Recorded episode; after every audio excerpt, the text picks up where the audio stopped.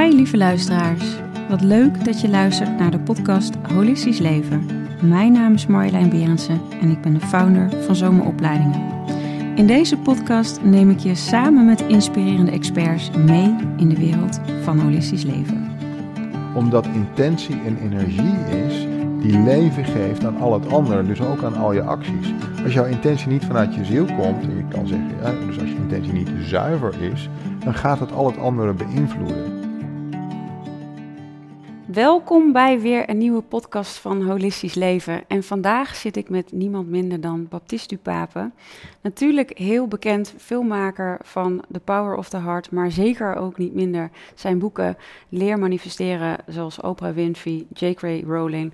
Ja, hij is, uh, ik ben echt super vereerd dat hij hier is, een manifestatie, koning. Ja, en gewoon een ontzettend mooi mens. Dus uh, dankbaar dat je er bent. Ja, dankjewel dat je me uitgenodigd hebt. Ik ben blij om je eindelijk live te ontmoeten. Ja, wederzijds. Dat is super fijn. Ik stel eigenlijk altijd de vraag: wat is holistisch leven voor jou? Nou, holistisch leven is voor mij leven vanuit het hart. Hè. Ja. Um, leven vanuit het hart betekent dat je uh, begrijpt dat het hart eigenlijk de zetel van de ziel is. Uh, het hart is voor mij de poort naar onze werkelijke identiteit. En dat is, is de ziel. Dus dat, dat zou het voor mij zijn. Leven, holistisch leven, leven vanuit het hart, leven vanuit de ziel, leven vanuit je werkelijke identiteit. Ja, wie je werkelijk bent. Ja. Voelde je dat als kind al? Ja, ik denk dat we het allemaal als kind voelen. Alleen uh, op een gegeven moment door de sociale conditionering en door het onderwijs en door de focus van uh, ja, de maatschappij en het onderwijs op allerlei lineaire, logische, rationele zaken, raak je die connectie kwijt. Ja. Ja, ja. En hoe ben jij er weer ingekomen? Hoe heb jij die connectie weer teruggevonden naar je hart? Nou, ik denk dat het bij dat als je kijkt naar, naar zeg maar ons systeem en ons onderwijs, dan is dat eigenlijk erop gericht om met name de connectie met het hoofd te maken. Um, ja. Alleen, de, het hoofd is eigenlijk min of meer een interface voor de ziel. En ik had altijd het gevoel dat er iets niet klopte. Um, ja. En um, ik merkte dat mijn, intu mijn intuïtie en mijn creativiteit altijd meer de kern raakte van wat er aan de hand was in mijn leven. En veel dichter bij de waarheid zaten dan alles wat met het hoofd te maken had. Um, dus ik vroeg mij ook af, waarom wordt er zo weinig aandacht besteed in ons onderwijs aan intuïtie, ja. aan de ziel, aan de connectie met, met je, je hogere zelf, je werkelijke ik. Dus ik denk dat ik altijd wel het gevoel had dat er iets niet klopte. En dat is natuurlijk een proces waar je in zit. Um, maar um, als je contact maakt met die energie, en dat gebeurt door het leven zelf, dan ga je steeds weer op zoek naar die energie. Ja. Mark Nipo zegt, hè, follow your aliveness, dus volg datgene wat je tot leven brengt. Die energie is een intelligentie. En um, natuurlijk had ik ook niet de woorden, de tools en de inzichten die ik nu heb. Maar er was wel een energie die telkens weer zei van, nou, ga het onderzoeken, ga het onderzoeken. Hmm. En ik merkte dat als ik daarvan afweek, dat ik, ik zal niet zeggen depressie ervaarde, maar wel meer donkerheid, afgescheidenheid. Um, en ik merkte dat als ik weer op dat pad ging en op dat onderzoek uitging, dat ik meer energie ging voelen en, en, en, en voelde alsof ik energetisch aan het thuiskomen was. Hmm. En dat thuiskomen, um, wanneer was die wanneer was die eerste ervaring dat je dat zo voelde? Nou, ik, ik had het heel erg, hè, want ik vond het als kind heel erg leuk om te tekenen. Dan, dan voelde ik het. Uh, ik heb ook nog uh, een tijd intensief muziek gemaakt. Ik heb zelfs nog een uh, platencontract gehad bij Universal Records. En um, ook, een top 40 hitje gehad. Ik heb ook nog ja, dat heb ik meegekregen via, via Giel. ja. ja. En ook voor andere artiesten geschreven. Ja. Um, ik merkte dat als ik dus alles wat met het rechterbrein te maken had, als ik dat aan het doen was, dat ik veel meer in een flow zat. Ja. En ik dacht, ja, die flow is ook een intelligentie. Dus het, het zijn allerlei momenten waarin ik niet in contact was met het lineaire, met de mind, maar juist met het creatieve gedeelte van mij. Mm -hmm. En um, daar ben ik eigenlijk altijd wel naar op zoek geweest van, hé, hey, dit float, het gaat zo vanzelf, dit is zo fijn. Ehm, ik was eigenlijk op zoek naar die flow altijd, ja. Ja. Onbewust in eerste instantie. Nu doe ik dat bewust. Ja, Ja. Nu, nu heel bewust. Want je hebt een prachtig boek natuurlijk weer uitgebracht. eh, Leer manifesteren, zoals eh, Oprah Winfrey, J.K. Rowling. We hadden het al over Anita natuurlijk, eh, eigenlijk ook al enorm veel heeft meegemaakt. Want dat is net zoals de power of jouw hart, hè, wat, je, wat je omschrijft ook, is echt door jou heen gaan werken. Het universum werkte door jou Ja. heen. Ehm, zeker ook bij dit boek. Ik heb dit boek vijf, zes jaar geleden al geschreven. Toen woonde ik in Amerika. Ik, ik heb eh, van 2014 tot en met 2017 eigenlijk mijn tijd grotendeels, niet constant, maar wel grotendeels in Amerika. Bij Carrie, toch? Eh, ja, ik, heb twee jaar bij Gary Ja, gewoond, maar dat ja. was zelfs voor Oh, dat was 2000. daar nog voor. Dat is dan, dan praten we 2012, 2013, 2014. Mhm. Eh, want toen was ik in de productie van The Power of the Heart. Ik heb eigenlijk van 2009 tot 2014 Power of the Heart geproduceerd. Ja. En in die vijf jaar ehm, was het hoofdkwartier Amsterdam. eh, maar ook twee, jaar- twee, tweeënhalf jaar eh, Amerika. Ja. Eh, omdat heel veel productie in Amerika gedaan was. En omdat natuurlijk heel veel van de mensen die ik geïnterviewd heb daar woonden. En ik heb toen onder andere Gary Zoekaf geïnterviewd. De, de ja. auteur van The Seed, of. The Seed of the Soul. Nou, The. Seed of the Soul in het Nederlands De Zetel van de Ziel is het lievelingsboek van Oprah Other Than the Bible, zegt ze altijd. Ja. En eh, niemand heeft meer shows eh, met Oprah gedaan als Gary en ook nog Celine Dion. Maar. Gary en Celine Dion staan op eenzame hoogte qua Oprah-shows die ze hebben mogen doen. Eh, maar toen ik Gary interviewde voor The Power of the Heart, en dat was bij hem eh, thuis in Ashland, Oregon, Mhm. toen was er meteen een connectie. En toen zei hij van ja, ehm, je kan ook hier eh, aan het script werken. Want ik zat toen nog echt in de scriptfase met Ja, interviews en nog ja. niet in de productie van hem. Want het is een, een, een film waarin we dus mensen interviewen. Maar ja, de prachtig. verhalen van de sprekers die worden eigenlijk versterkt door drama. Eh, eh. Maar daar zat ik dus nog niet. En hij zei, ja, waarom kom je niet hier zitten? Want ja, bijna al je werk is in Amerika. En ik zat toen eh, in L.A. eh, en hij woonde, en dus L.A. is in Californië en hij woonde in Oregon. Dus dat is eigenlijk de next Ja, state. Dus ik dacht, nou ja, ik kan ook bij hem gaan zitten. En ja, dat was eigenlijk fantastisch, want hij heeft natuurlijk A, een enorm netwerk. Ja, ja. Ehm, en hij kon ook deuren voor mij openen, die ik eh, natuurlijk ik. zelf als jongen uit Europa niet kon openen. Plus, hij is natuurlijk een native speaker en hij kon me ook heel erg helpen op het scriptniveau om alles naar een hoger niveau te tillen. Maar ook de boeken. Dus ook jouw nieuwe Ja, bij dit boek heeft hij mij ook eh, geholpen, want wij zaten toen, eh, ja, eh, ik, ik woonde toen bij hem toen ik ermee bezig was. En hij is natuurlijk heel erg goed bevriend met Oprah. Ja, Dus hij kon mij ook dingen vertellen over Oprah. Ja, die, die hij alleen wist. Want hij is een van de grote spirituele leraren van Oprah. Ik denk samen met Maya Angelou. Ja. zijn zij wel de twee meest invloedrijke personen in Oprah's leven. Kijk, Gary's achtergrond is heel erg interessant. Hij komt uit Kansas, uit een klein dorpje. En hij was de eerste die een, een, een scholarship voor, voor Harvard kreeg. Wat in Amerika echt wel een big deal is. Dus het hele dorp ging dat eh, vieren. ja, En hij ging naar Harvard toe. Maar hij had dus ook allerlei problemen. En, en de grootste, het grootste probleem, en daar heeft hij uitgebreid over gesproken in, in verschillende opera-shows, was ja, zijn, zijn seksverslaving. dat heb ik... eh, En ehm, nou, een heel lang verhaal, maar die seksverslaving stond eigenlijk voor de disconnectie van zijn ziel. Ja. Dus hij voelde die Ja. leegheid en moest dan opgevuld worden met, Met, met, ja. met, seks. ja, En op een gegeven moment kreeg hij het idee, eh, toen was hij al afgestudeerd, om een boek te schrijven over quantum physics. En dat werd een roman en eh, dat boek, de titel was The Dancing Woolly Masters. mhm, En daarvoor moest hij dus allerlei pro- professoren op Stanford interviewen, want hij woonde toen in, in, in San Francisco. En hij merkte dat wanneer hij met dat boek bezig was en research aan het doen was, had hij geen last van zijn seksverslaving. En dat was eigenlijk voor hem de stap naar de volgende fase van quantum physics, naar de ziel. ja, En toen heeft hij op basis van zijn ervaringen in, eh, bij het schrijven van Dancing Woolly Masters, is hij de zetel van de ziel gaan schrijven, waarin hij zegt dat er een energie is. En dat is de ziel. En wanneer onze persoonlijkheid die energie gaat dienen, dan gaat ons leven stromen en ervaren we synchroniciteit en zitten we op het pad eh, waarvoor we hier zijn. ja. En hij heeft, eh, heeft Oprah het boek gelezen? Mijn boek? Ja? Nou, ja, dus ik heb het oorspronkelijk in, in het Engels geschreven, alleen Ja. is het nog niet in het Engels uitgebracht. Dat Nee. zal later dit jaar wel gebeuren. Mhm. Daar zijn we mee bezig. Eh, maar Oprah heeft het nog niet gelezen en J.K. Rowling ook niet. Gewoon vanwege het feit dat het nog niet in het Engels beschikbaar is. En ik vermoed ook dat wanneer het uitkomt in het Engels, dat ze een van hun nou ja, eh, eh, mensen dat eerst laten lezen Ja. en dan daarna dat ze zelf gaan lezen. Ik denk niet dat ze in eerste instantie zelf zullen Nee. lezen, Nee. maar als het goed is, zouden ze eventueel wel nieuwsgierig kunnen zijn. Ja. Ja, heel mooi. Ja. Ja. want het is een ontzettend inspirerend boek. Eh, ik, ja, ik heb hem nou ja, op de e-reader mee.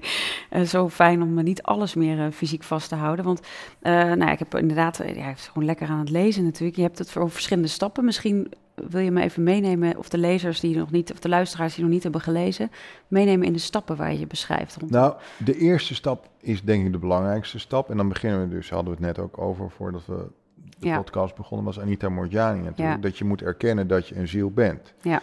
Nou, korte klap. eh, hoe kan je erkennen dat je een ziel bent? Eh, ik weet niet of jij ooit een dierbaar overleden gezien hebt. Ja.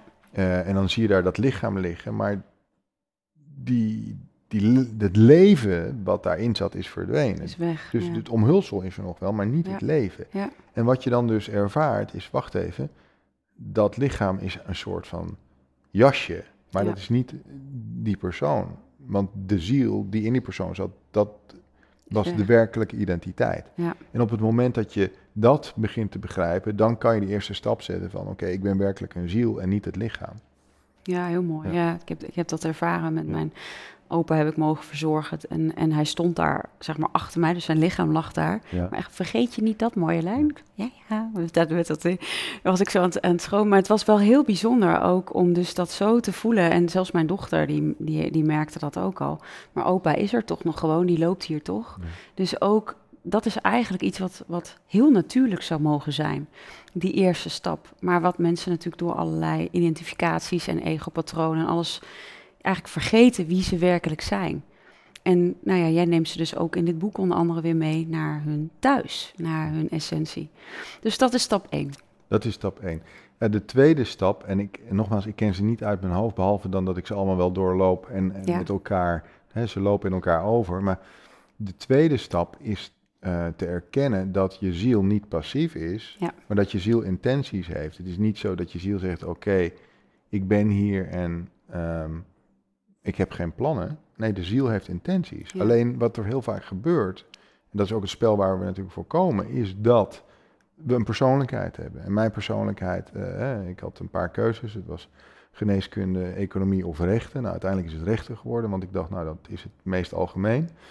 Eh, maar dat is natuurlijk door omgeving en door, door, door, door familie en allerlei dingen die, hè, die jou vormen. Maar het is allemaal wel op, op, op basis van de persoonlijkheid. Eh, mijn persoonlijkheid wilde eh, partner worden bij een groot kantoor op de Zuidas. Ja, Ehm, maar mijn ziel zei, nee, nee, we gaan andere dingen nog. We gaan Ja. film maken, bouwen Ja. harder, we gaan boeken schrijven en we gaan eh, daar, daarmee aan de slag. Alleen, dus op het moment dat de persoonlijkheid dit wil en de ziel wil dat, dan heb je dus een innerlijk conflict. En wat gebeurt er dan als je de hele tijd die persoonlijkheid blijft volgen, maar die ziel wil daar naartoe? Dan ga je dus sabotage ervaren. Want je ja. kan het allemaal wel, ja, ik moet partner worden en belangrijk en... En, en, en, maar, maar die ziel zegt nee, we hebben hele andere plannen. Dus dan, dan word je zo afgescheiden van je ziel, dat je dus ergens op een gegeven moment of in een burn-out komt, of je rijdt eh, tegen een muur op. Eh, maar je leven valt uit elkaar en je komt in een crisis terecht. ja. Je moet die ziel volgen. Waarom? Omdat dat je werkelijke ik is. Dat is je gaat dan tegen de flow van het leven in. ja. Snap je? Zo herkenbaar. Ja, wij moeten met de flow van het leven Ja. eh, eh, meegaan, maar onze hele maatschappij is daar niet op ingericht. Nee, nee, nee, ik heb een hoge hotelschool gaan doen, bedrijfsleven ingegaan. Ik kreeg een onwijs heftig, ernstig auto-ongeluk. Maar echt iemand vroeg letterlijk, wat komt er op jou, wat zou er nu op je grafsteen staan? Dus dat was ook een cadeau om weer terug te gaan naar mijn ziel. Net zoals mijn scheiding. eh, ik denk dat dat ook juist dit boek van jou ook kan helpen om anders naar grote negatieve eh, live events te kijken. Omdat het eigenlijk gewoon is, hé, hey, dus de, de, de ziel en dat wat je ego wil, daar zit dus eh, discrepantie tussen. En vind het weer in jezelf en dat resoneren. Want als ik kijk, ik weet, ik weet nog wel 16, toen was ik bij een paranormaal therapeut. En die zei, maar jij gaat een heel groot opleidingsinstituut krijgen. Ja, dag. Uh, super veel angst, ik had nog zoveel issues om uit te werken. Um, maar alles ging er dus tegen in. Dus ook dat je ziet dat de ziel heeft iets, is iets met jou van plan. Hè? Of, of de ziel, Ja. of het zijn, het, het universum. Wat door, gewoon door jou heen gewerkt gaat worden. En dat heb je te volgen. Tuurlijk, maar dat is wel eng. Is super eng. Weet je waarom het zo eng is? Omdat we daar helemaal geen tools voor krijgen. Ja. Ik zeg altijd deze, en die vind ik wel heel sterk.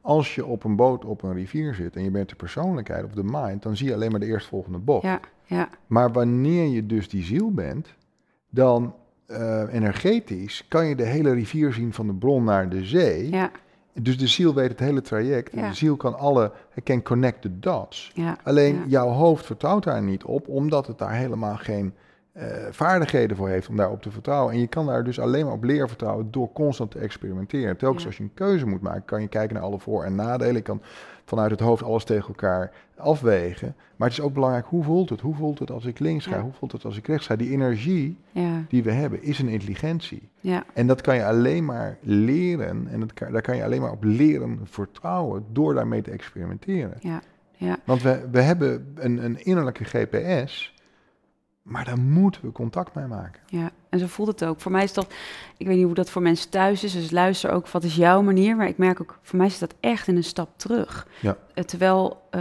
terwijl de mind of, of, of het ego wil juist actie, die wil juist weer grip krijgen en Ja. controle. En dat echt gaat over die stap terug om weer echt te kunnen voelen, ja, maar wat is dan nu de bedoeling? Super eng, Nou, super, ja, ik, ik weet niet of je bekend bent met het werk van Abraham Hicks. Ja. Eh, hè, Ja. Die zegt altijd, get back into the vortex en dan wordt alles opgelost. In principe klopt dat, want eh, de vortex zou je ook kunnen zeggen source energy of Ja. de ziel. Maar telkens als je daar contact mee maakt, dan komen de inzichten en ehm, de, de, de, de, de, su- ja, de ondersteunende elementen komen naar je toe. ja, Maar je moet wel eerst terug naar die ziel. Want als stel nou dat je heel erg weg bent van je ziel, dan ga je dus vanuit die disconnectie allerlei dingen doen. En dat, is, dat werkt altijd averechts. Je moet eerst weer contact maken met je bron. Dus energetische afstemming zou onze nummer één prioriteit moeten zijn. Ja. Veel belangrijker dan geld, ja, eh, kennis, eh, wat dan ook. Eh, wij zijn zelf al bronenergie source. En 99% van onze tijd zou erop moeten gericht zijn dat we daar goed op afgestemd zijn. Ja. En, dan, en dan floot ons leven. ja. Ja, het is zo herkenbaar en zo fijn met gelijkgestemden te Mhm. praten. En jij zegt ook iets heel moois. Intentie is de oorzaak en het gevolg. Ja. Altijd. Want we hadden het nu eigenlijk over stap, stap 2. Hè? Je had het over intentie. Ehm, kun je die uitleggen? Ja, dus, dus Gary Zukav noemt het authentic power. Authentic power Ja. is dus wat ik net zei, wanneer de persoonlijkheid, de energie van de ziel gaat dienen. Ja.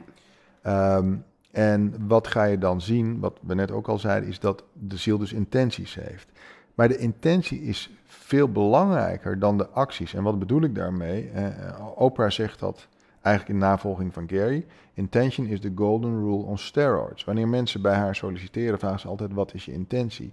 Omdat intentie een energie is die leven geeft aan al het andere, dus ook aan al je acties. Als jouw intentie niet vanuit je ziel komt, en je kan zeggen, ja, dus als je intentie niet zuiver is, dan gaat het al het andere beïnvloeden. Ja, Daarom is het heel erg belangrijk, meer dan op actie gericht te zijn, op intentie gericht te zijn. Want intentie, zonder dat je actie onderneemt, zet al heel veel dingen in beweging. Jij hebt bijvoorbeeld de intentie om vanuit je ziel eh, iemand in te interviewen. En in één keer krijg je via iemand anders, hey, eh, ik ken hem, of begrijp je? Ja. Dus intentie is een energie die dingen al in werking zet. Maar laat hem dan alsjeblieft wel vanuit je ziel komen, omdat dat dan in lijn is met jouw blueprint. Hè? Iedereen heeft een, een eigen specifieke soul signature, noem ik dat. ja, ja. En die soul signature van die ziel, daar komen die intenties uit voort. En zolang jij daar trouw aan blijft, dan kan die energie, zo, zo, zo, zo, zodra jij die eh, intentie herkent, voor jou dingen al in werking zetten. Dus intention is the energy that infuses your actions.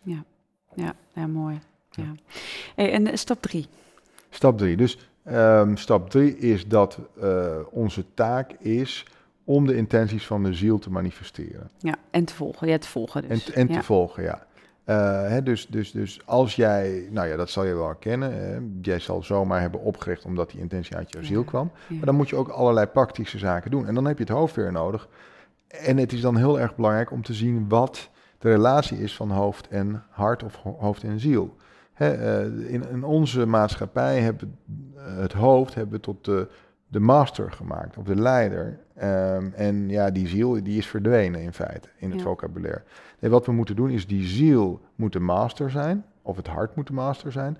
En het hoofd hebben we nodig als dienaar voor de praktische zaken. Van, hè, eh, je hebt Ja. allerlei managementkwaliteiten nodig. En het hoofd is een goede manager, maar wel in dienst van de ziel. Ja, ja, ja, mooi. Dan hebben we stap vier. Dus nou, het is onze ehm, taak, in dit vocabulaire van het boek, om afgestemd te blijven op die ziel.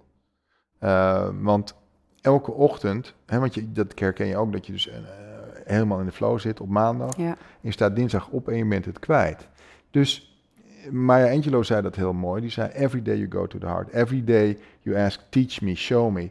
En ik moet ochtends ook mijn dingen doen om weer in contact te komen met dat hart. Want ik ben daar s ochtends ben ik daar ook niet altijd en meestal niet zelfs. Hm. Dus elke dag moet je dat werk doen om, om, om afgestemd te blijven. Om zuiver te kunnen blijven luisteren naar wat die ziel jou te vertellen heeft. En wat is dat voor jou? Ja, voor mij is het, en dat is een hele goede vraag. Kijk, als, je- als je aan mij had gevraagd van ja, ehm, tien jaar geleden of twaalf jaar geleden van eh, je gaat een, een, een, een, een- je filmen over de hele wereld uitbrengen, althans in, in meer dan 80 landen en je boek, dan had ik dat niet geloofd. Het is ook mijn taak niet om eh, daarmee bezig te zijn. Het is mijn taak om op mijn ziel afgestemd te zijn. En Martin Luther King zei het heel erg mooi. Hè? You don't have to see the whole staircase. Ja. Just take the first step. Ja. Dus ik moet alleen maar weten, ook vandaag was het mijn, eh, hè, mijn taak en mijn intentie om hier te zijn. En wat er dan daarna gebeurt, dat weet ik niet. Maar ik weet dat ik hier moet zijn. Dus ik, ik, ik moet die auto pakken en ik moet van Antwerpen naar Arnhem rijden. Ja. En dat is mijn ding. En de rest moet ik loslaten. En zo werkt het dus eigenlijk ook met die ziel. Jij moet jouw deel doen. En dan zal de ziel, die afgestemd is op alles, jou ehm, de rest eigenlijk onthullen. En, en eh, ben jij 's ochtends even praktisch voor mensen thuis? Hoe stem jij je af op, op de ziel? Hè? Want je zegt, ik heb het ook vaak gewoon niet als ik 's ochtends wakker word. Mediteer jij? Of wat? Ja, ik doe, moment, ik doe altijd iets wat met hartcoherentie te maken heeft. Dus hartcoherentie is een staat en het Instituut van HeartMath heeft daar veel onderzoek aan, Ja. naar gedaan. Heb je de Power of the Heart gezien? Ja, tuurlijk. Het begint dus met een experiment van HeartMath. Ja. En eh, dat laat zien dat ehm, wanneer wij in hartcoherentie zijn, dat we dus dingen kunnen zien voordat ze eigenlijk plaatsvinden. Maar nog beter is dat wanneer we in hartcoherentie zijn, dus een staat waarin we liefde en dankbaarheid ervaren, dan zendt het hart dus sig- eh, signalen naar het brein. En dan gaat, eh, gaan linker en rechterbrein meer samenwerken en dan gaan ze ook meer open. Dus hoe liefdevoller we worden, hoe meer hartcoherentie we ervaren, hoe intelligenter we worden. En dat Ja. kunnen we meten. Ja. Dus ehm, ik wil toegang hebben tot mijn vo- volle potentieel. En dat kan alleen maar wanneer, wanneer ik in hartcoherentie ben. En wanneer je hartcoherentie ervaart, dan kan je ziel ook bij je komen. Want de boodschappen van de ziel, en dat, dat zie je in dat HeartMath-experiment van, in, in, in de opening van de Power of the Heart. Dus boodschappen van de ziel komen eerst hier binnen, dan stuurt het hart het naar het brein en dan stuurt het brein het naar de rest van het lichaam. A lot of people say, I don't feel it in my heart, Ja. I feel it in my gut. Ja, Maar Ja. Het komt hier binnen, Komt- dan ja. naar hier en, En dan komt het eigenlijk weer bij het hart en dan naar de en dan vertaalt lichaam. door eh, Ja. naar de rest. Dus hoe meer liefde je ervaart en voelt in je hart, hoe meer je afgestemd bent op de intuïtie van je ziel. Ja, heel mooi. En we gaan zo ook nog iets doen natuurlijk, maar Ja. daar moeten mensen nog even op wachten. Dus blijf lekker luisteren of kijken. Ehm, nou, de laatste stap, vijf stappen toch? Of Nee, het zijn er zes? zes. Oh ja, Ja, zes. ja, zes. Dus je moet afgestemd blijven op je ziel. Ehm, en ik, ik denk dat ehm, de, de twee laatste stappen zijn, is dat we ook het universum het werk moeten laten doen. Ja. Dus je moet daarop vertrouwen ehm, dat er onzichtbare helpers zijn. ja. Hè, dus eh, ik geloof in engelen. Ik geloof in ehm, allerlei dingen die wij niet met de ogen kunnen zien. Maar ik geloof ook dat er heel veel helpers zijn die in een menselijke gedaante verschijnen. Nou, een goed voorbeeld voor Oprah is bijvoorbeeld Maya Angelou. Ja. Eh, maar ook Gary Zukav. Maar ook eh, Gail King, haar vriendin. En voor J.K. Rowling zijn er ook verschillende. En voor Anita Morjani ook. Ehm, op het moment dat je afgestemd bent, dan moet jij eigenlijk universum door je heen laten werken. Maar erop vertrouwen dat er dus ook een andere stukken zijn die voor jou de intenties gaan invullen. En daarom is het zo belangrijk om eerst de intentie op orde te krijgen. Als die uit je ziel komt, dan zal je dus zien dat het ook niet alleen jouw persoonlijke intentie is vanuit die ziel, hè, dus jouw persoonlijke zielsintentie, ja. maar dat het ook de intentie is van een veel grotere ziel. Ja. Want we zijn allemaal afgestemd op een soort van source. Ja, ja. Dus als mijn ziel afgestemd is op een zuivere intentie, dan kan die afgestemd zijn op de intentie die jij ook hebt, omdat dat een intentie is die leeft in het grotere veld van liefde. Ja, die, die pak je op in een Ja. ja. morfogenetisch veld noemen mensen het nog wel eens. Hè? Ja. Dus, eh, en dan hoe meer mensen daarop aanhaken, hoe meer je ziet van, oh, dit, Ja. dit, dit, dit, eh, dit, dit klopt. En dan ga je dus ervaren dat er dus power, purpose, meaning is achter alles wat je doet. En dan ga je dus synchroniciteit ervaren. Hè? Synchroniciteit is een woord dat bedacht is door Carl Jung, maar dat zijn die momenten waarop je voelt dat je gedragen wordt, dat er geen toeval is, dat, dat je op het juiste pad zit. En dat het je toevalt. Ja, en dat het je toevalt en dat er geen toeval is, inderdaad. Ja. Want, want zie jij dat ook in nummers? Of in, hè, want je hoort wel eens mensen, oh, ik zie 11 uur 11. Of ik zie, of er komen veertjes op mijn pad. Of uh, net dat telefoontje wat ik Heel de tijd. Voor mij ook de hele dag door. Ja, de hele dag door. ja. Uh, en soms, als het niet gebeurt, dan uh, is het ook goed, want dan heb je even een break nodig. Even rusten. Even weer uitchecken. Even weer. want, maar kijk, Paulo Coelho heeft het heel mooi gezegd, dat is ook mijn ervaring. Er zijn twee manieren waarop het leven je test. Het eerste is waarop er dus helemaal niets gebeurt. Maar dan is het jouw taak om je af te stemmen op je ziel. Ja. En dat kan heel lang duren, dat kan soms jaren zijn. Dan moet je het energetische werk doen. En het tweede, wat ik heb ervaren, met name bijvoorbeeld toen de Power of the Heart uitkwam in één keer in 80 landen in 2014. Toen kwam er zoveel op me af dat je dat eigenlijk niet aan kan. En dan word je ook getest. Ja. Want dan zeg je, "Ja, er gebeurde nooit wat. En nu in één keer Ja. gebeurt alles tegelijkertijd. ja, ja.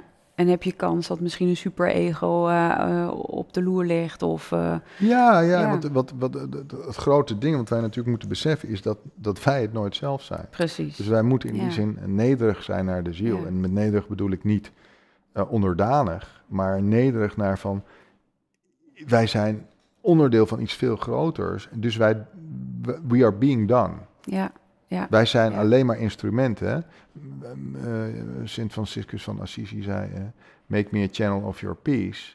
Wij zijn instrumenten van iets veel groters. ja, Wij doen het niet zelf. ja, Ehm, alles wat wij doen en creëren, dat is omdat wij het toelaten om het door ons heen te laten stromen. Maar wij zijn het niet zelf, vanuit de persoonlijkheid gezien. Ja. ja. Ja. En dat is ook weer, als je dat, in ieder geval in mijn ervaring zo, is ook weer heel fijn. Want er is ook een bedding of een fundament waar je altijd op terug kan vallen. Het is iets wat, wat er altijd is. Ja, en het is ook heel fijn eh, te om te weten dat jij veel groter bent dan dat lichaam. En dat je Ja. onderdeel maakt, uitmaakt van een, een heel groot veld van liefde. Ja, Ja. ja dat, is, dat is. En dat, ik weet niet hoe dat voor jou is, maar dat thuiskomen verdiept zich dus ook steeds meer. Ja. Elke laag denk je, kan dat nog meer? Kan er nog meer doorheen stromen? Dat, dat is. Ja, en, en, en we moeten het ook aankunnen. Er is een liedje van Brian May van Queen, eh, Too Much Love Will Kill You. Eh, ik denk dat we echt oprecht eh, bang zijn voor onze eigen grootsheid, voor onze eigen liefde. Ik heb momenten meegemaakt dat ik dacht, oeh, dit is te veel liefde. Ja, ja, En dan lopen we daarvoor weg. We lopen vaak weg voor Ja. de liefde. ja, die grootheid ook Ja, te voelen. ja. Zonder dat het ego daar weer mee aan de Ja. haal gaat. Maar eigenlijk is het voor mij ook als inderdaad nederig het woord, maar ook wel heel erg ontvankelijk zijn. En dat is ook iets heel kwetsbaars. Ja, maar het heeft ook heel veel met eigenwaarde te maken. Kunnen wij het aan om in die liefde te gaan staan? De meeste mensen zijn geconditioneerd om daarvoor weg te lopen. Want wie ben ik? ja, Snap je? ja. En Eh, zeker in Nederland doen we al normaal. Dan ja, doe al zeker. gek genoeg. genoeg. Eh, Maar, maar, maar, maar eh, als je in één keer zoveel liefde voelt, denk oeh, dat ben ik niet gewend. Oeh, dat verdien ik niet. Oeh, ik ga weg. Nee, oeh. Ja, Eh, Ons lichaam moet daaraan wennen, aan die liefde. ja, ja, ja, prachtig. Ehm, we hebben even een, eh, een korte, korte break, in ieder geval in, in dit gesprek. Eh, ik wil je vragen om een kaartje te trekken. Oké. Nou. Je mag er eentje trekken, ik- voelen. Mag ik dat voelen? Ja? Jij mag het voelen, je mag het zien.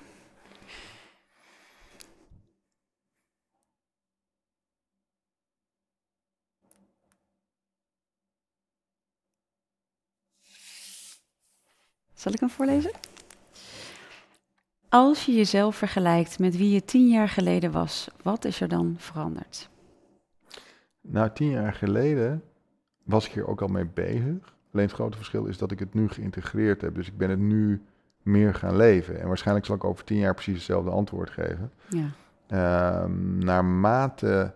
Want het, eh, heel veel mensen zijn. Lees Eckhart Tolle of uh, Deepak of, of, of noem maar op. En dan is het dus nog theorie. ja, Maar het wordt pas jouw leven wanneer je het gaat leven. En wanneer je gaat toepassen en integreert. En niet één keer in de week, maar elke dag. ja, En ik denk dat dat het grote verschil is. Dat wil niet zeggen dat ik er al ben, want ik zal er nooit zijn. Maar ik voel wel een heel groot verschil, significant verschil met tien jaar geleden, omdat ik het veel meer geïntegreerd heb. ja. Ja, en dan merk je dus ook, je merkt dat ook weer aan die synchroniciteit, vind ik in ieder geval. Ja. Je merkt, oh, zit ik in de flow? En wat jij ook zei, Paulo Coelho, van eh, moet ik weer, eh, oh, dan heb ik weer even misschien even wat werk zelf te doen of even rust Ja. nodig om weer, weer thuis te komen, wat dieper Ja. thuis te komen. Ehm, ik heb ook een aantal eh, luistervragen natuurlijk, luisteraarsvragen gekregen. Maar voordat ik dat wil doen, um, jij hebt het ook ehm, op jouw Insta onder andere ook over remote viewing. Wil je daar wat over vertellen? Ja, zeker. Mijn, nou ja, zeker bij Zoma heb ik natuurlijk uh, Reiki, onder andere holistisch therapeut. Ik denk dat daarin ook heel erg ook wordt ingetapt op die intuïtie van nou, waar zit nou eigenlijk de angel van iets. Ik denk dat dit ook een enorme aanvulling uh, zou kunnen zijn. Ja, um, remote viewing, een heel lang verhaal, maar ik doe het al twintig jaar nu. Ja. En het is begonnen um,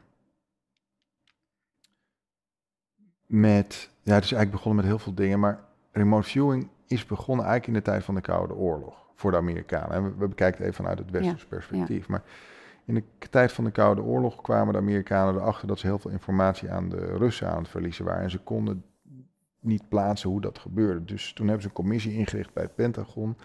En die is gaan onderzoeken. En het onderzoeksrapport zei dat de Russen miljoenen investeerden in de opleiding van psychic spies. Amerikanen dachten, hé, hey, wat is dit? En toen hebben ze twee laserphysicists van Stanford de opdracht gegeven om, om, om, om te kijken of er in de westerse wereld ook mensen waren die psychic uh, ja. skills hadden. Nou, een van de mensen die ze binnengehaald hebben toen op Stanford was Uri Geller. Nou, die ken je waarschijnlijk ja, wel. Uh, Uri Geller is geen Hans Kazan, Hans Klokshow. Nee, Uri Geller heeft echt gaven. Is echt een Interessant, we kunnen nu de diepte ingaan. Misschien is het te veel voor jouw luisteraars, maar ik denk het niet. Maar Uri heeft, uh, ik heb contact met Uri. Uri heeft die uh, kwaliteiten eigenlijk sinds, en dat zijn zijn woorden, sinds hij ontvoerd is door een UFO. En die hebben een soort upgrade, upgrade aan hem gedaan. En hij werkt eigenlijk sinds kind al voor de Mossad, de mm -hmm. Israëlische inlichtingendienst. Uh, een ander man die ze toen uh, ontdekt hebben, die zich eigenlijk zelf heeft aangemeld, was Ingo Swan. Ingo Swan was een kunstenaar uit New York. En nou ja, die zei: stop maar wat in een doos of zet iets in de kamer hiernaast of geef me ja. een coördinaat van ergens op de wereld. En hij kon zien wat het was. Dus een hele goede film. En iedereen... Ja, iets met Goat of zo. Nee, Superhuman. Nee. Oh, er was ook iets met een goat? Ja, nee, Man Who Stared. Ja. Dat is met uh, George Clooney en Eckhart Tolle en uh, Ewan McGregor en Kevin Spacey en Jeff Bridges. Dat is een Hollywood film. En het gaat over... Uh, een boek wat een journalist heeft geschreven naar aanleiding van allerlei interviews die hij gedaan heeft met remote viewers die op een gegeven moment uh, gepensioneerd waren van uh, CIA en Amerikaanse leger. Daar hebben ze een Hollywood comedy van gemaakt, maar het is wel gebaseerd op waar gebeurde feiten. En dat boek heet ook Man Who Stare at Goats. Mm -hmm. uh, maar het is een hele goede film nu. en ik zeg altijd, als je wil weten of je wil leren remote viewen bij mij, dan moet je die kijken en die heet Superhuman. Superhuman. die staat op Amazon Prime, maar die kan je ook op YouTube gewoon vinden momenteel. Oh, hm. En daarin laten ze dus zien wat je allemaal kan doen met remote viewing. Maar je kan in feite dus uh, met je bewustzijn naar een plek toe waar geen plaats, tijd en ruimte is. Ja. Uh, en vanuit ons perspectief kan je dus in de toekomst kijken. Want wij denken, oh, toekomst, ja. volgend jaar, ja. morgen. Ja. Maar in remote viewing maak je dus contact met dat veld waar die tijd niet bestaat. Dus kunnen wij in de toekomst kijken. Ja. En wat ik doe, en dat zorgt ervoor dat wij heel succesvol zijn, is ik werk altijd in groepen. Dus als ik tien remote viewers heb, en ik wil ook minimaal altijd tien hebben, en tien mensen zien in de toekomst hetzelfde, uh, dan weet ik, oh, die kans dat het gaat gebeuren is heel groot. Nou, stel dat ik er acht heb, heb ik nog steeds een meerderheidsakkoord. Ja. Maar wat je moet begrijpen is dat wij 100% met intuïtie werken. Dus wanneer je remote viewt, ben je helemaal uh, blind about the target. Dus je weet niet wat je kijkt. Waarom zijn we, weten we niet wat de remote view bijvoorbeeld? Ik weet niet wat hierop staat, maar, mijn, maar het veld Ja. wel. Hè? Ja. Dus dan, dan, dan staat, zou hier een code op staan en dan tune ik in en dan krijg ik dus informatie. Ik volg een protocol en dan schrijf ik het op. Um, en waarom is dat zo belangrijk dat ik niet weet wat het is? Want anders gaat mijn hoofd Ja. zich daarmee bemoeien. Ja. Dus echte Ja. goede intu intuïtievelingen hebben helemaal geen informatie nodig, Nee. want ze tappen energetisch in. Nou, jij bent met Reiki bezig onder andere. Ik heb gemerkt dat mensen die Reiki doen heel veel talent hebben voor remote viewing, omdat het ja, het is echt, met Reiki ben je aan het helen, zeg maar. En een remote viewer doet eigenlijk ook deze beweging, Ja. maar die is aan het intunen op een Ja. frequentie. Ja. Dus als jij dit moet doen en dit moet doen, dat is voor jou niet. Het is second nature. En remote viewers doen dat dus ook. Dus je zou kunnen zeggen dat remote viewing een vorm van reiki is. Alleen wij proberen informatie uit het veld te halen. Ja. En Ja. jij probeert te healen in reiki. Ja, ja. En eh, vorige levens, eh, remote viewing gaat ook uit van, hè, als ik het zo goed begrijp, dat het eigenlijk alles tegelijkertijd is. Dus vorige levens bestaan in die zin. Nee, ja, Ook niet. reïncarnatie. eh, Ja. Ik ben net bij Maarten Overzier geweest Ja. in Drenthe. En toen heb ik ook die vraag gesteld. Hè. Dus uh, in mijn boek Leer manifesteren zoals Oprah Winfrey en J.K. Rowling praten we over Anita Morjani. Ja. Zij heeft die klassieke doodervaring of bijna doodervaring. En zij komt, ze ziet zichzelf eh, hangen boven haar lichaam in het ziekenhuis. En ze heeft in één keer een eh, vergroot bewustzijn waarin ze ziet dat tijd niet bestaat. Klopt. Dat alles liefde is en ze Ja. kan met haar bewustzijn overal naartoe op hetzelfde moment. Dat is precies het veld waar wij contact maken. Dus zij zegt ook, er bestaat niet zoiets als vorige levens. Nee. Alles vindt nu Ja, plaats. alles is nu. Alles ja. is nu.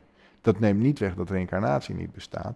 Maar vanuit dat veld is al, bestaat er geen tijd. Ja, ja, ja. En dat verklaart ook waarom wij dingen intuïtief weten. Omdat wij contact kunnen maken met een veld waar tijd niet bestaat. Ja. Tijd is Ja. in feite een illusie. Ja, ja supermooi. Echt heel interessant. Ook om in het boek hoe, zij dan, eh, hoe jij dan eh, haar verhaal vertelt. Dat ze dus de broer in de trein zag aankomen naar haar ziekenhuis toe. Dat ze alles ook tegelijkertijd zich zag afspelen en details kon noemen. Ja. Wat je eigenlijk bij iedereen bij bijna doodservaringen wel terug hoort. Ja. Details kunt noemen die, je niet, die er niet zijn. Dus Ja. Ik vond het zo mooi om dat ook weer dat, dat, dat aan te geven daarin. Eh, ja, echt heel... En, en ook die enorme liefde. hè? Ja, Want dat is Ja. onze energie. Ja. Onze core energie is liefde. En daar moeten we ons op afstemmen. Alle problemen ontstaan doordat we daar te veel van afgeweken zijn. Ja, absoluut. Ik was zes, ik had een bijna doodervaring. En toen was het ook... ehm, het was een hele onveilige situatie, maar tegelijkertijd was er die liefde. En dat was het. Weet je, dat is dan het enige wat vertrouwenswaardig is. En zoals bij die auto-ongelukken of diep in een scheiding, kwam datzelfde terug. Dus ook als alles wegvalt, is dat er nog steeds altijd. Omdat het je werkelijke identiteit is. Het kan niet verdwijnen. Precies, en dat, maar dat verdiept dus ook. Want je kan er ook wel weer even een keuze maken om ervan weg te gaan, omdat het zoveel is wat je zegt. En dat je bijna niet beseft van, wow, wat gebeurt hier? En, en een soort van verruimd bewustzijn en daarna weer misschien weer iets beperkt of weer in slaap vallen en weer mee met de, met de stroom. Maar het is zo mooi ook steeds die verdieping in het wakker zijn en dat bewustzijn wat zich nog meer eh, uitbreidt. Ja. Heel mooi, ja. Ik heb een aantal vragen. Ehm, even kijken. Ik, eh, oh ja, ja, ja. Ehm, een vraag. Niet iedereen heeft een openbaring van zijn ziel, zoals jij dat hebt ervaren. Hoe kan ik toch weten wat mijn ziel wil? Nou, ehm, ik, ik, ik zeg altijd van je moet kijken naar wat je tot leven brengt. Hè. Mark Nieper zegt follow your aliveness. Eh, toen ik eh, al die mensen voor de Power of the Heart mocht interviewen, toen zei Maya Angelou van ja, ik kom in contact met mijn hart en ziel wanneer ik aan het bidden ben, Ja, wanneer ik zing. En Jane Goodall zei wanneer ik eh, met hè, de, apen bezig ben, of met gorilla's, of in de natuur ben. En Paulo Coelho zei ik Ja. heb contact met mijn ziel wanneer ik schrijf. En Ja. Isabel Allende zei het ook. En Eckhart Tolle zei ik heb contact met mijn ziel in het nu. En Deepak zei wanneer ik mediteer. Het gaat erover dat jij voor jezelf uitzoekt hoe je contact moet maken met die energie die voelt alsof je thuis komt. En voelt als liefde en voelt als flow. Eh, maar er zijn honderd manieren om dat te doen. Maar jij moet het wel. Kijk, als jij niet de tijd neemt om jezelf te leren kennen. en om te kijken wat jouw flow doet ervaren. ja, dan ben je je leven wel op de verkeerde manier aan het invullen. ja. Nou, mooi voor En degene wat is het die, voor eh, jou? Wanneer voel jij flow? Voor mij? Ja, Eh, want flow is eigenlijk die taal van die ja, ja. Nou ja, voor de, voor- ik hoop voor de mensen thuis, die, die- diegene die die vraag heeft gesteld. Nou, laten we sowieso natuurlijk de Ja. oefening meedoen. Dus eh, nee, voor mij is het, zit het in heel veel dingen. Ik heb het ehm, bij mediteren, bij reiki, maar ook nu in dit moment eh, in de natuur. Ik denk dat het gewoon overal aanwezig is. Ja. Dus misschien zou het dan wel vergelijkbaar zijn in het nu.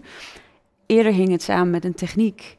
Als ik reiki doe of als ik mediteer. Ja. Maar dat is het niet. Want, het, want dan gaat je mind een concept maken van iets die houdt het vast. Want als ik dat doe, dan. Maar het is niet doen, want het is er altijd al. Thuis in je, in je zijn ben ik altijd. Dus voor mij zit het echt in alles.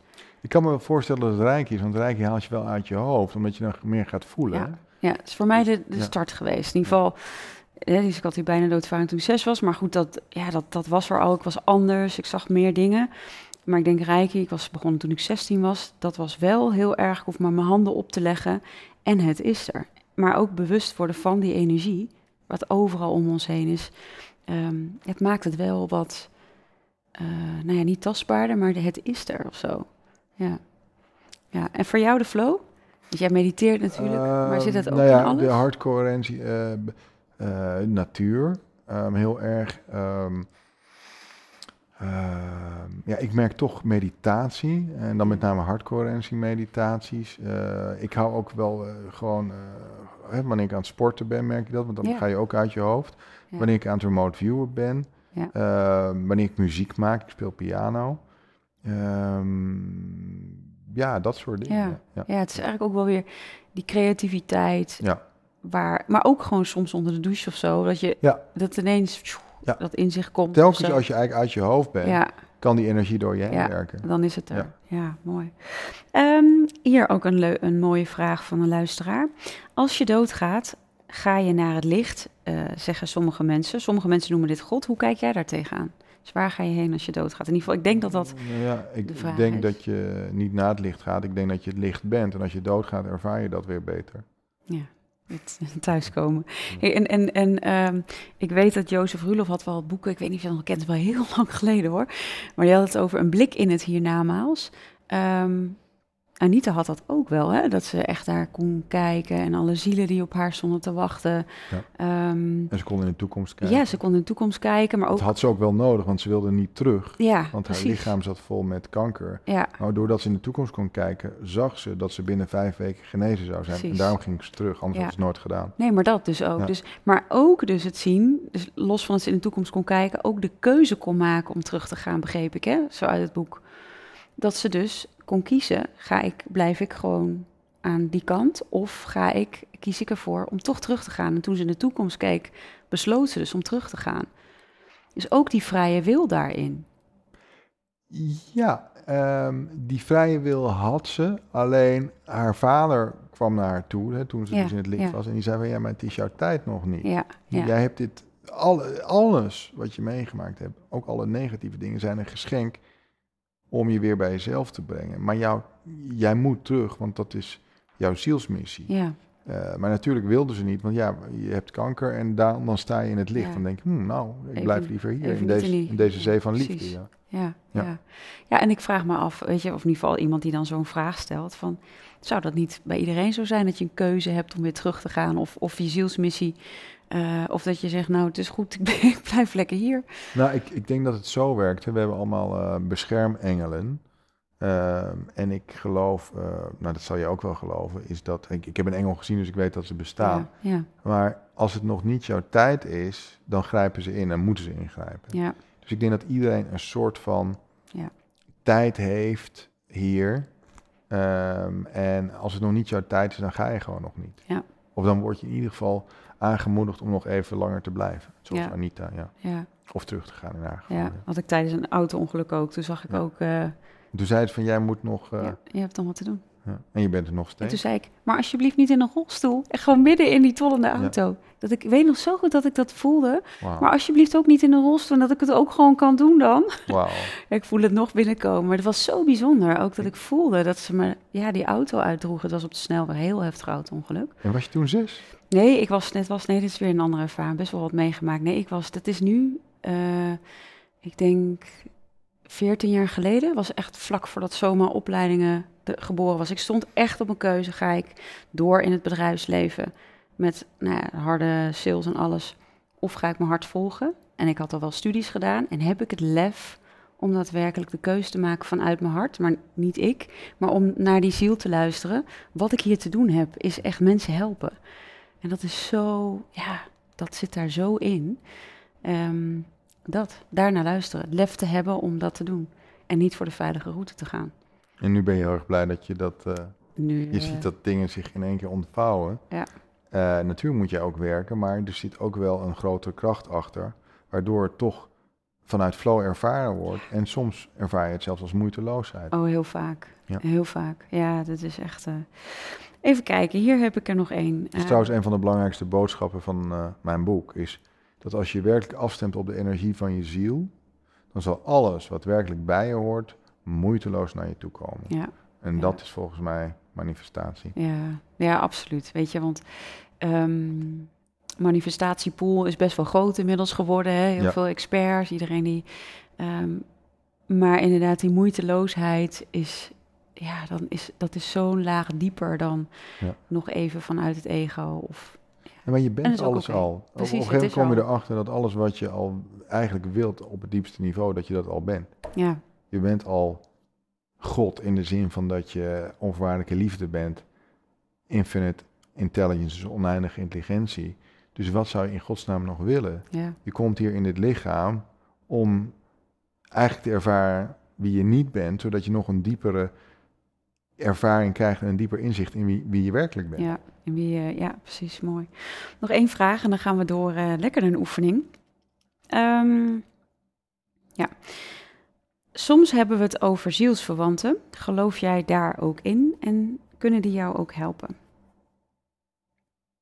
Ja, zielsverwant is natuurlijk een heel eh, eh, breed begrip, maar ik geloof wel dat er mensen zijn die je kent uit vorige levens, ehm, die je nu tegenkomt in het leven. En dan heb je dus een spontane zielsherkenning. Dan voel je dat die persoon, eh, die, die ontmoet je net, maar het lijkt of je die persoon al heel lang kent. Ehm, dat kan zo zijn in vriendschap, dat kan zo zijn in de liefde. Eh, dus ik geloof daar zeker in. En je, je hebt je tweelingzielen en en, Ja. en, en, en, en, en, en spiritual partners. En ja, je, je kan het allerlei labels geven, maar het gaat erom dat dat iemand is die, eh, die herkent uit een vorig leven.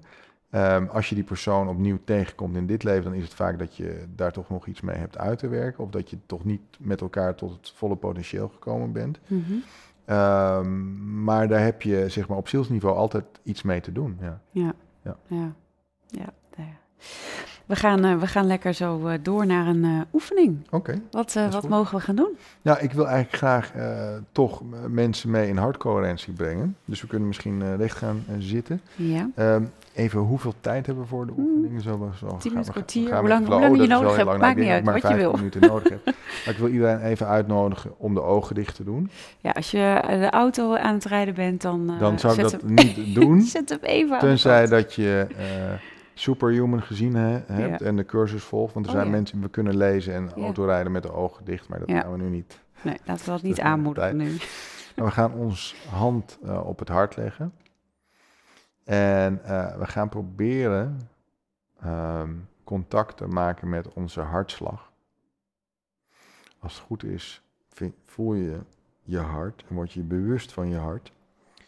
En ik wil je uitnodigen om aan iets te denken wat heel veel liefde in jouw hart creëert. Dus dat kan je kind zijn, dat kan je huisdier zijn, dat kan je geliefde zijn, dat kan natuur zijn, maar iets wat jou liefde in je hart doet voelen.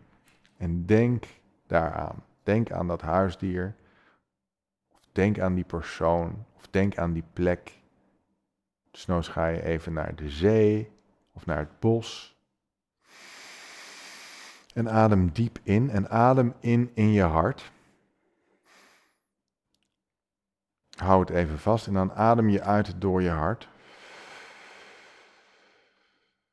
En je blijft op die plek of je blijft bij die persoon die jouw hart opent. En dan ademen we weer in door ons hart. En we houden het vast en dan ademen we weer uit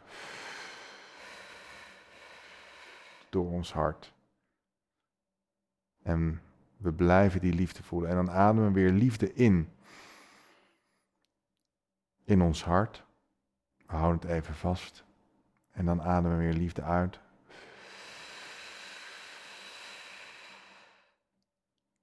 En we gaan het nog een keer doen. We ademen liefde in, in ons hart.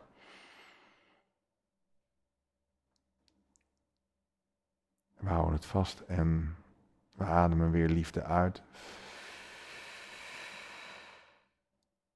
En we ademen nog een keer liefde in. In ons hart. En we ademen weer liefde uit.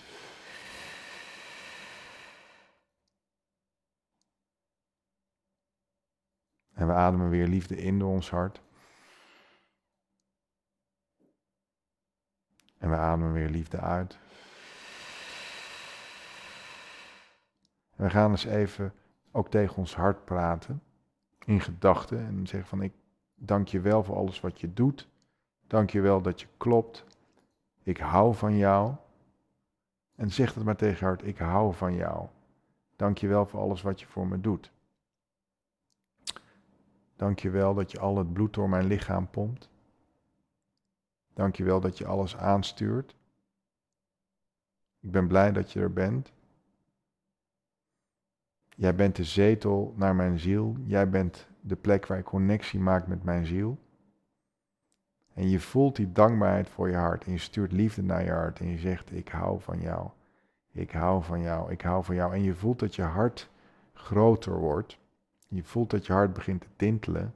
En je begint steeds meer liefde te voelen in je hart en in de rest van het lichaam. Want het straalt uit naar de rest van je lichaam. En we ademen weer even liefde in. En we ademen liefde uit. En we ademen weer liefde in. En we ademen weer liefde uit. En we ademen weer liefde in. We houden het even vast. En we ademen uit. We praten weer met ons hart. En we zeggen, dank je wel dat je er bent. Ik voel je. Ik voel je beter en beter elke dag. Dank je wel voor de wijsheid. En ik ga meer naar je luisteren vanaf nu. en je gaat een vraag stellen aan je hart. Je gaat de vraag stellen, wat wil het leven van mij? En daar hoef je nu niet meteen een antwoord op te krijgen. Maar die vraag die heb je nu gesteld. En telkens wanneer je contact maakt de komende dagen met je hart, dan ga je die vraag even stellen, wat wil het leven van mij? Niet wat wil ik, maar wat wil het leven van mij? Wat wil het grotere van mij? Wat wil de ziel van mij? En als je telkens weer even teruggaat naar die vraag, dan zal je daar op een gegeven moment antwoord op krijgen. Maar het is wel belangrijk dat je trouw bent aan die vraag en dat je telkens weer naar terug gaat, naar die vraag. Dat je daar naar terug gaat, elke dag eventjes alleen zijn met je hart en die vraag stellen, tot je het antwoord hebt. Als het antwoord er is, zal je het voelen, want het zal voelen als liefde, het zal voelen als thuiskomen, het zal voelen als geen enkele twijfel meer hebben, het zal voelen als, ja, dit is het, dit is zo duidelijk, het zal voelen alsof alles klopt. En het zal je zoveel energie geven dat je geen twijfel hebt. Het zal voelen alsof je 100% bent thuisgekomen. Wanneer je dat ervaart, dan heb je het antwoord gekregen op die vraag. En we ademen nog drie keer in in ons hart. We houden het vast en we ademen weer uit ons hart.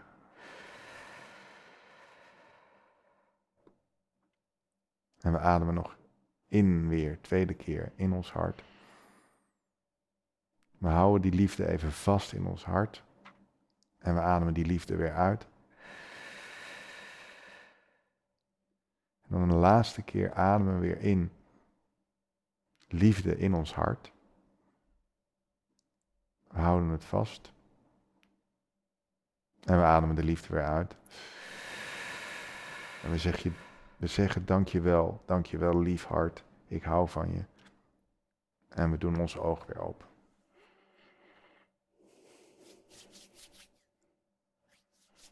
Dankjewel. Dankjewel. Ja, Je, je, je straalt helemaal. ja het, is, een handig ook van de energie. Ik, ik merkte als van nature of een soort van beweging ook ging maken. Zo in en uit. Maar ook dat uit, dat je voelt van, oh ja, dat verspreidt. Want dat werkt ook gewoon door je heen. En Ja. voor alles en iedereen waar dat weer, nou ja, gegeven mag worden, dat, dat, dat verspreidt zich weer. Ja, heel fijn.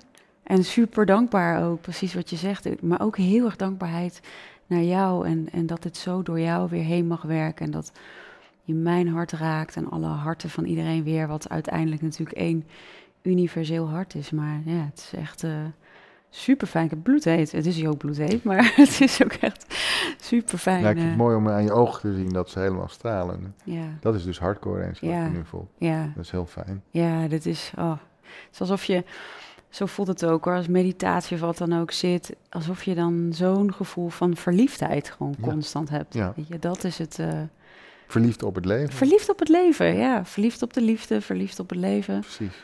Ja. Wat zijn, ehm, wat zijn, wat is voor jou nog iets wat je, wat je ziet hebt, oh, dat hebben we nog niet besproken. Dat wil ik eigenlijk nog heel graag delen. Ehm, ik wil eigenlijk delen dat het altijd goed is. Dus ook alle negatieve dingen die er in je leven gebeuren, zijn eigenlijk een geschenk om jou weer bij jezelf te brengen. En eh, er zijn heel veel mensen nu die het moeilijk hebben. Ja, Er zijn heel veel mensen die eh, het ook financieel moeilijk hebben. Ehm, en het antwoord is toch altijd naar binnen gaan. Hè? Dus Eckhart Tolle zei het heel mooi: If you get the inside right, then the outside will fall into place. Hm. En de boodschap van mijn boek is: wanneer je echt contact maakt met die energie van de ziel, dan zal alles moeiteloos naar je toe komen. Daarmee zeg ik niet dat je geen uitdaging meer zal ervaren, maar ik zeg daarmee dat je contact maakt met je hogere intelligentie, met oneindige intelligentie, met onvoorwaardelijke liefde, waardoor die uitdagingen niet meer zo groot zijn. ja, ja, En daarom zijn we hier om telkens weer daar contact mee te maken. En ik, dus ik wil eigenlijk zeggen, het maakt niet uit in wat voor omstandigheden je nu eh, zit. Ehm, en dat heb ik ook geprobeerd te laten zien met mijn boek. Hè. Oprah had een hele slechte startpositie. ja, ja. Ze was geboren in Mississippi, most racist state at the time. Haar moeder was een dienstmeid, haar grootmoeder ook. En haar grootmoeder was was aan het ophangen. En, hij ze, en ze zei tegen haar, terwijl Oprah dus kind was, van, I hope you find yourself some nice white folks to work for. Mm, Dus haar programmering was dat ze ook dienstmeid zou worden. Ja, ja, Dus hoe kan het dan zijn dat zij die enorme quantum leap gemaakt heeft naar de Oprah Winfrey die ze nu is? ja, Een van de meest invloedrijke vrouwen in deze wereld. Nou, ik zal het je vertellen. Wat er gebeurd is, is zij voelde al op hele jonge leeftijd dat ze niet veel had om voor te leven. En ze was li- lid van de Baptist Church, dus ze was wel gelovig. En ze zei tot God, en dit zijn haar eigen woorden, hè, van ja, ik, ik ben lelijk, ik ben arm, I am as poor as you can be without having a roof over your head. Ik heb niet veel voor te leven, but ja. I'm here. Use me, Ja, use me, dus gebruik me. Ja, Dus ze zei van laat die grote energie maar bepalen wat ik met mijn leven moet doen. En dat is volgens mij de allerbelangrijkste verklaring waardoor ze vanuit die slechte startpositie dat enorme mooie leven heeft weten te manifesteren. ja, En dat zie je bij J.K. Rowling ook en bij Anita Morjani helemaal. Want Ja. die was eh, op sterven na dood, of die was eigenlijk Die was dood. eigenlijk al En opgegeven. door weer contact te maken met die energie, hield ze dus alleen niet eh, op, voor het, zeg maar, de normale reguliere geneeskunde op wonderbaarlijke wijze. Nee, door contact te maken met die energie, gaat in één keer alles in haar leven op synchronis- synchronistische wijze stromen. Ja, En dus, dus mijn boodschap is, met dat boek, maakt niet uit hoe slecht je positie is. Als je contact maakt met die energie, zal die energie jou ondersteunen, jou gidsen, jou leiden. En kom je daaruit. ja, en het is ook magisch. Het is niet te bedenken met het hoofd. Nee. Weet je, wat jij hebt gedaan en ik met, met Soma en natuurlijk ook maar met de boeken die door me heen zijn gemanifesteerd. Het manifesteert zich. Het is niet te bedenken. Nee, Het is Nee. nooit. nee want het is, het is voor het hoofd. Het hoofd kan dat niet processen. Ja, Het is nee. te veel. Het is altijd magisch. Waarom? Omdat het vanuit een non-lineair bewustzijn ja, werken is. ja, En wij zijn altijd lineair bezig vanuit onze conditionering. Maar als je contact maakt met dat veld van oneindige intelligentie, met die ziel, dan ben je non-lineair bezig. Dus je kan zelfs, omdat tijd niet bestaat, jouw verleden nog veranderen. ja, Dan, Ja. dan gaan we wel heel ver. Maar ehm, daardoor voelt het als magie. Daarom is liefde zo magisch. Ehm, het is magie omdat het als magie voelt. ja, En dat is nou net de jus van het leven. Dat is de flow van het leven. En daarvoor zijn we hier om dat te ervaren. Dus ons leven mag, en je mag jezelf de toestemming geven, mag elke dag magisch zijn. ja. En ja, het is ook magisch. En het is vol wonderen. ja, Alleen het zijn wonderen vanuit het perspectief van de persoonlijkheid. Maar vanuit dat veld waar alleen maar liefde is, heb je constant miracles. ja, het is elke moment. Ja. Nou ja, en, een, en natuurlijk een, een miracle, een wonder dat jij al die mensen hebt mogen interviewen. Wat is je het meeste bijgebleven? Welk, welk, welke quote, wat is iets wat je denkt, Nou, ehm, ik, wat mij heel erg is bijgebleven is toch Maya Angelou. Ik weet niet of je weet Ja, wie dat is. Ja, uiteraard. maar die, eh, voor de mensen die dat niet weten, ehm, Maya Angelou ehm, was een, een, een, een human rights activist. Maar ook een, een, een dichteres des vaderland voor Amerika. De, de American Poet Laureate. Ehm, heel moeilijk leven gehad. eh, heeft ook nog als prostituee gewerkt. Is ze altijd heel open over geweest. Daar heeft ze ook nooit, hè, want heel veel mensen hebben dat proberen weg te coveren. Nee, zij heeft dat altijd openlijk besproken. Ze zei, nou, dat is ook een fase en ik schaam me daar niet voor. Nee. Dat maakte haar voor mij nog groter. Ze zei, ik had een kind op te voeden. Eh, maar dat is iemand die ook de diepe dalen gekend heeft, maar ook de grote successen. Hè. Ze Mhm. heeft de Presidential Medal of Freedom gekregen van Obama. Dat is dus de hoogste civiele onderscheiding die je in. Amerika kan hebben. Dus ja, ze, ze weet zowel Hè, en ze heeft mogen spreken op de inauguratie van, van Clinton. Daar is ze ook nog wereldwijd eh, bekender door geworden. Maar dus het is, het is een vrouw die de diepe dalen kent, maar ook de grote successen. En ik heb haar mogen interviewen eigenlijk best wel kort voordat ze overleed. ja. Eh, dat is gebeurd ook op wonderbaarlijke wijze eh, door inbreng van Gary. Hè, want eh, ik had al heel veel mailtjes gestuurd naar haar secretariaat en die reageerde niet. En op een gegeven moment heb ik gevraagd aan Gary, ja, kan je het niet aan Oprah vragen? Want anders Ja. gaat het misschien nooit meer gebeuren. Dus Gary heeft Oprah geskyped op dat moment. En Oprah, ja, Oprah heeft toen contact opgenomen met Maya. En wij zaten daar binnen een week in, in, in North Carolina, in Winston-Salem. Maar wat zo indrukwekkend was, en op dat moment was ze echt tegen het einde van haar leven aan. Mm. Ze kwam binnen, eh hooked to een oxygen tank en een walker. En hoe heet zo'n ding? Ja, zo'n eh, Ro- rollator. rollator, ja. Eh, maar tegelijkertijd, en er was zo'n mannetje wat achter haar liep met zo'n oxygen tank. En zij kwam daar in met binnen met zo'n rollator. En ze had een zonnebril op, want ze had een stroke gehad. Dus één oog, ja, daar kon ze niet meer door kijken. Maar nog steeds, ook al was ze aan het einde van haar leven, kwam daar dus een big soul binnen. Ja. En ze vulde dus de hele kamer met haar energie.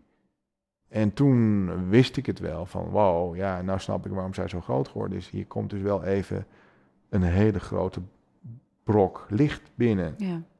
Eh, zij was gewoon licht. En ja, het was heel bijzonder, alles wat ze zei, maar zij vulde de kamer met haar energie. Een andere persoon bij wie ik dat ook heb mogen ervaren, die ik heb eh, mogen zien op een Hay House conventie eh, in Pasadena in Californië, was eh, Wayne Dyer. ja.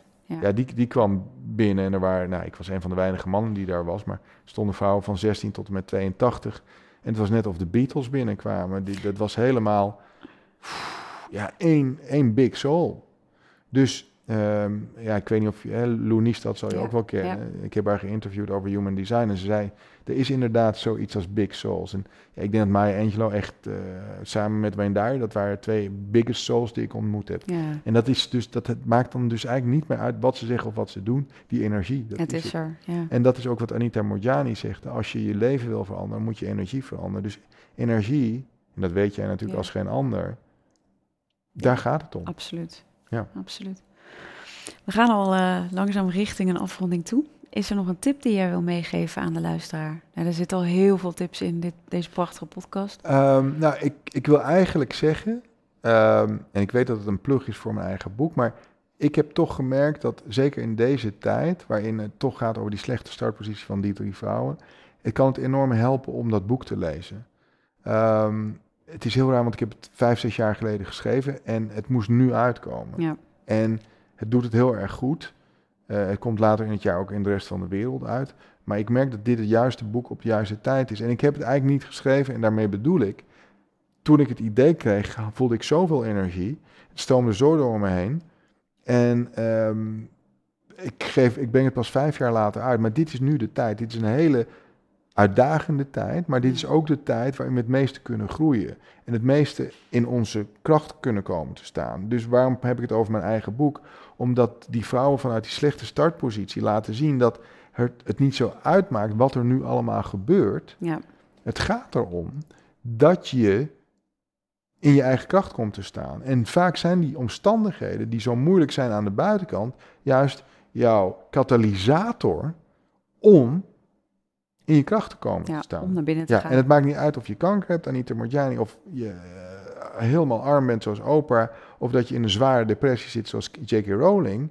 Nee, zij hebben op een gegeven moment gekozen van, weet je wat, Niets wat ik geleerd heb werkt meer vanuit het oude systeem, het lineair, logische, rationele. Ik ga maar iets groters de controle over dat stuur geven. Ik ga me overgeven aan die grotere energie. En dat is mijn boodschap nu aan iedereen. Surrender to that energy, maak contact met die energie.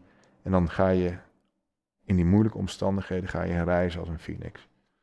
Mooi. Ontzettend mooi. Ik uh, ben enorm geïnspireerd, heel erg geraakt ook door je oefening. Uh, sowieso, dit voelt zo bekend en vertrouwd. Uh, dank je wel vanuit mijn hart. Ja. Nou, ik vond het een eer en een genoeg om hier te zijn. En ik ben ook blij dat ik je eindelijk ontmoet heb. Ja. dus het was heel fijn dat, dat, ik hier mocht zijn. Dank je wel. Dank je wel. Dankjewel voor het luisteren naar de podcast Holistisch Leven. Holistisch Leven is een prachtige ontdekkingsreis. We reiken je graag de tools en kennis aan om je in deze reis te begeleiden. Ben jij door deze podcast geïnspireerd om de volgende stap richting een holistisch leven te zetten? Kijk dan op onze website www.zoma-opleidingen.nl voor meer informatie over de cursussen en opleidingen die we aanbieden. Je kunt je daar ook inschrijven voor onze nieuwsbrief. En vind je deze podcast leuk? Volg ons dan via je favoriete podcast-app of abonneer je op ons YouTube-kanaal. Zo verspreiden wij samen meer licht, liefde en bewustwording. En maken we de wereld een stukje mooier. Tot volgende week!